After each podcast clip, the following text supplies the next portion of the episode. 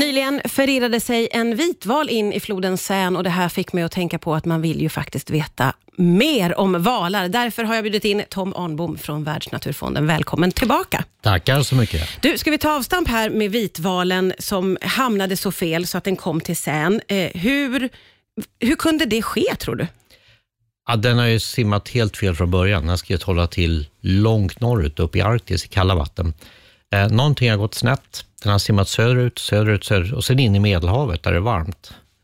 Ehm, Eh, nej, den måste ha gått via nor, gått Nordatlanten in i Seine, ja det stämmer. Den har Ah, gått in ah. eh, via den vägen. Då har den simmat vidare upp i floder och det gör den naturligt att simma i floder. Ja, det kan okej. den göra i Ja. norra Kanada eller i Ryssland, där den simmar in Ja. sötvattenfloder för att käka, kanske bli av med parasiter i sötvattnet. Ja, okej. Och så ligger många av de här de ligger på rygg och skrubbar sig mot botten för att liksom bli av med skinn och grejer. Ja, Men den här har ju simmat upp i en flod och så har den fastnat i slussarna. Den Ja, kom just inte det. vidare, men den var på väg mot Paris. ja.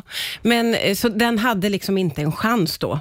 Jo, om den hade kunnat vända i tid. Jaha, men, den, Ah, okej. men den fastnade i slussarna och den vände ju inte. Den ville ju köra Mm. vidare. De försökte skrämma den ner. Ja. Eh, Ja, det men fick den- ett sorgligt slut tyvärr med den vitvalen. Ja, de vill, alltså vad som händer på slutet, att man fångar den med nät, stoppar in den i en, en kyld bil Mm. för att den skulle kylas ner, för den var ju alldeles för varm. Och så ner till kusten, så ligga till, i en bassäng där skulle de ha den där och få mata den och annat, men eh, den var för dåligt skick, så de avlivade den Ja, faktiskt just det. i bilen. Just det.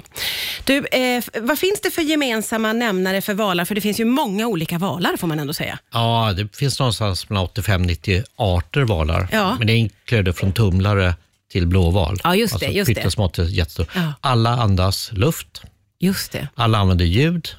En del använder väldigt avancerade ljud under vattnet. Ja. För det är bättre att prata liksom under vatten, går det fort Ja, just när det. man pratar. Det är hö- alltså ljudet bär väldigt långa sträckor. Det där vet vi ju att valar kommunicerar med varandra och eh, jag har fått för mig att det är på eh, avancerade nivåer ibland.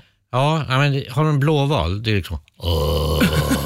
så, så, och, och så att du lyssnar, men då kan den alltså navigera genom att den kan höra, åh, här är ett tomt ljud. Ja, Där är en ö. Då simmar jag runt den. Då vet den det en 10-20 kilometer i i förväg. Här Ja. ska jag svänga.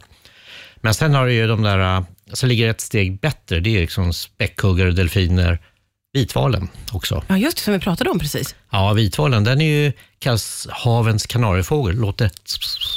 Nej.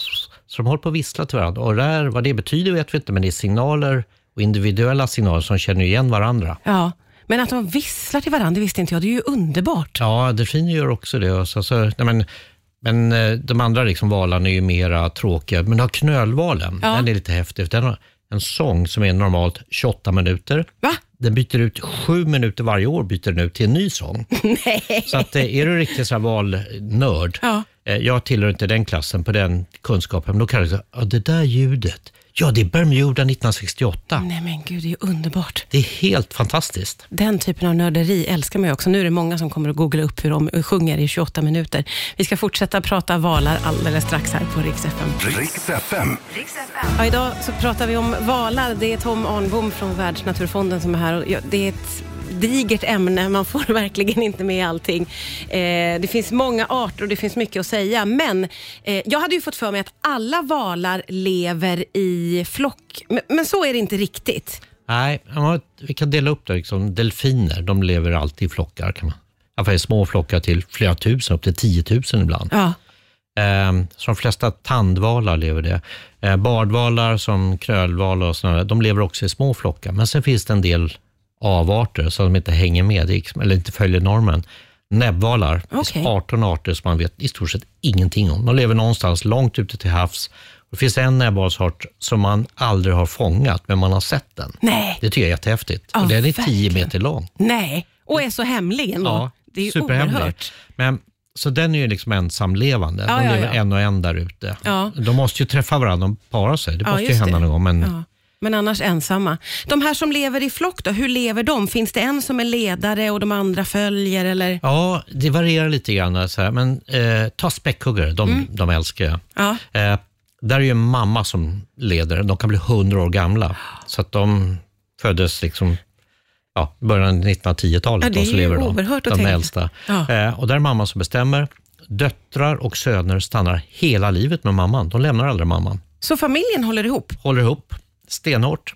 Oj! Men de paras ju inte med varandra i flocken, så när två flockar träffas, då blir det rajtan-tajtan där. Jaha. Sen när de separerar igen, ja, då simmar sönerna tillbaka till mamman. Man kallar dem the mamma boys.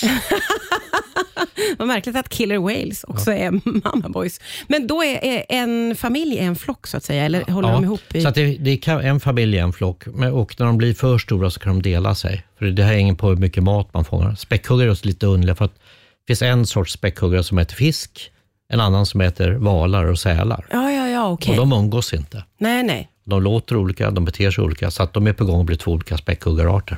Ja, ja, ja. Men ser de likadana ut? Inte riktigt. Nej. Eh, men eh, när de får barn, då, precis om de följer med mamma hela livet, man får för sig att väldigt många valar har sina ungar länge hos sig. Ja, så att eh, framförallt eh, späckhuggare och sånt, det är liksom det hela livet. Och kaskelotterna är likadan. Ja. Nej, där är, nej, nu ljuger jag. Kaskelotterna stannar döttrarna hela livet med mamman, men i tonåren sparkas sönerna ut, alltså vid tioårsåldern. Jaha. Så de bildar speciella bachelors group, alltså ungkarlsgrupper. Nej. Så det kan vara 50 stycken tillsammans, bara ungkarlar. Sen simmar de längre, längre bort från mammorna, i andra, längre norrut oftast. Ja, mammorna ja. är ju i tropikerna. Sen när de blir äldre, blir sådana 15 år, då är man en flock på kanske 10. Blir man 20 år, hannen, då är det flock på 3, så blir man 25, då är man enstöring. Då är det bara jag. Ja, okej. Och då är det dags att simma från Arktis och Antarktis tillbaka till tropikerna och försöka hitta nya honor. Så de är 25 år innan de börjar para sig. Hur ofta görs de där resorna fram och tillbaka? Är det en eh, badvalare, som, alltså k- kölval och blåval och sånt, varje år mellan kalla vatten och varma vatten. Ja. Och De föder ungarna i de varma vattnen och där äter inte valarna. De svälter i sex månader. Vad vet man om det? Varför är det så? Det är inget käk där nere.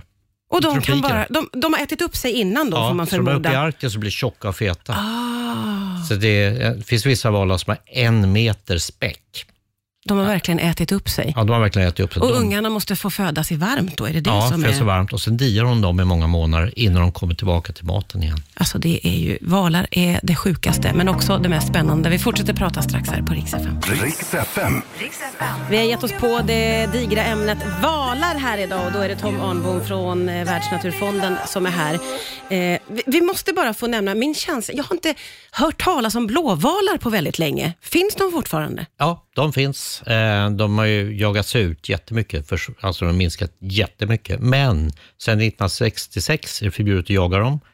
Jag har säkert tagit det, men de ökar sakta, sakta. Och nu börjar de ta fart. Okej, så de kommer Så tillbaka. De, de kommer tillbaka nu. Ja, var finns de på jordklotet, blåvalarna? Egentligen alla stora hav. Ja. Alltså, För att eh, Nordatlanten är ett bra ställe för no, eller blåvalar just nu.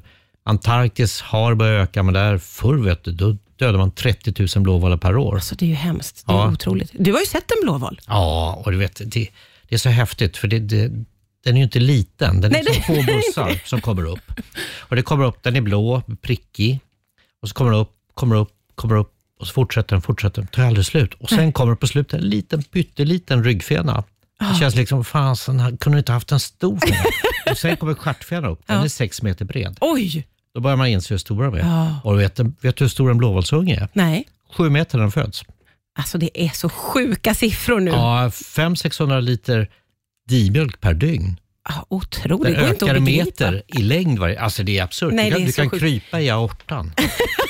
alltså det är, tungan, tungan väger fyra ton. Det är så overkliga djur alltså. Ja. Det är otroligt och du har sett den. Och eh, du nämnde för mig här eh, en val som jag inte kände till innan. Djävulsvalen. Ja, den är lite häftig. Mhm. Det, det, är en, faktiskt en, det är en bardval som heter gråval och den simmar längs Amerikas västkust. Ja. Ehm, Den simmar från Alaska på so- sommaren när den checkar upp sig, simmar längs Kaliforniens kust. Massor med människor tittar på dem. Ja. De ökar. Sen så förökar de sig i, i små laguner i Mexiko. Okej. Och det var dit valfångarna sökte sig på 1800-talet. Jaha. Men de här mammorna var ju inte så glada när de kom dit och skulle döda ungarna. Nej. Så att de simmade upp till fartyget, slog till med stjärtfenan och slog sönder ske- skeppen och dödade många valfångare på det sättet. Oj! Och det dog faktiskt några människor, ja nu är det 15 år sedan, som var nere och skulle titta på de här. Ja. De kom för nära mellan mamman och ungen. Mamman simmade fram, slog till med stjärtfenan Vad de och det dog försvarar. två, två människor dog på det. Herregud, det är därför de kallas för djävulsvalen. Yes. Att de är tuffa. Vad har du för favoritval?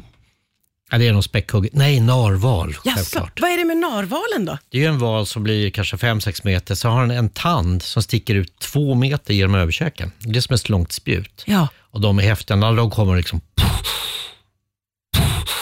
Och så kommer de upp bland isflaken. Ja, det, det, det känns som det är du, Tolkien fast mycket häftigare. ja, men det låter ju så. Vad ska de med den där konstiga långa tanden till? Ja, det är hannarna som har det. Ja. Och eh, Man vet inte riktigt, men de, jag har ju sett att man har små, låtsas slåss med dem. Man kör ju inte in dem i varandra, för då kan de ju skada varandra. Ja.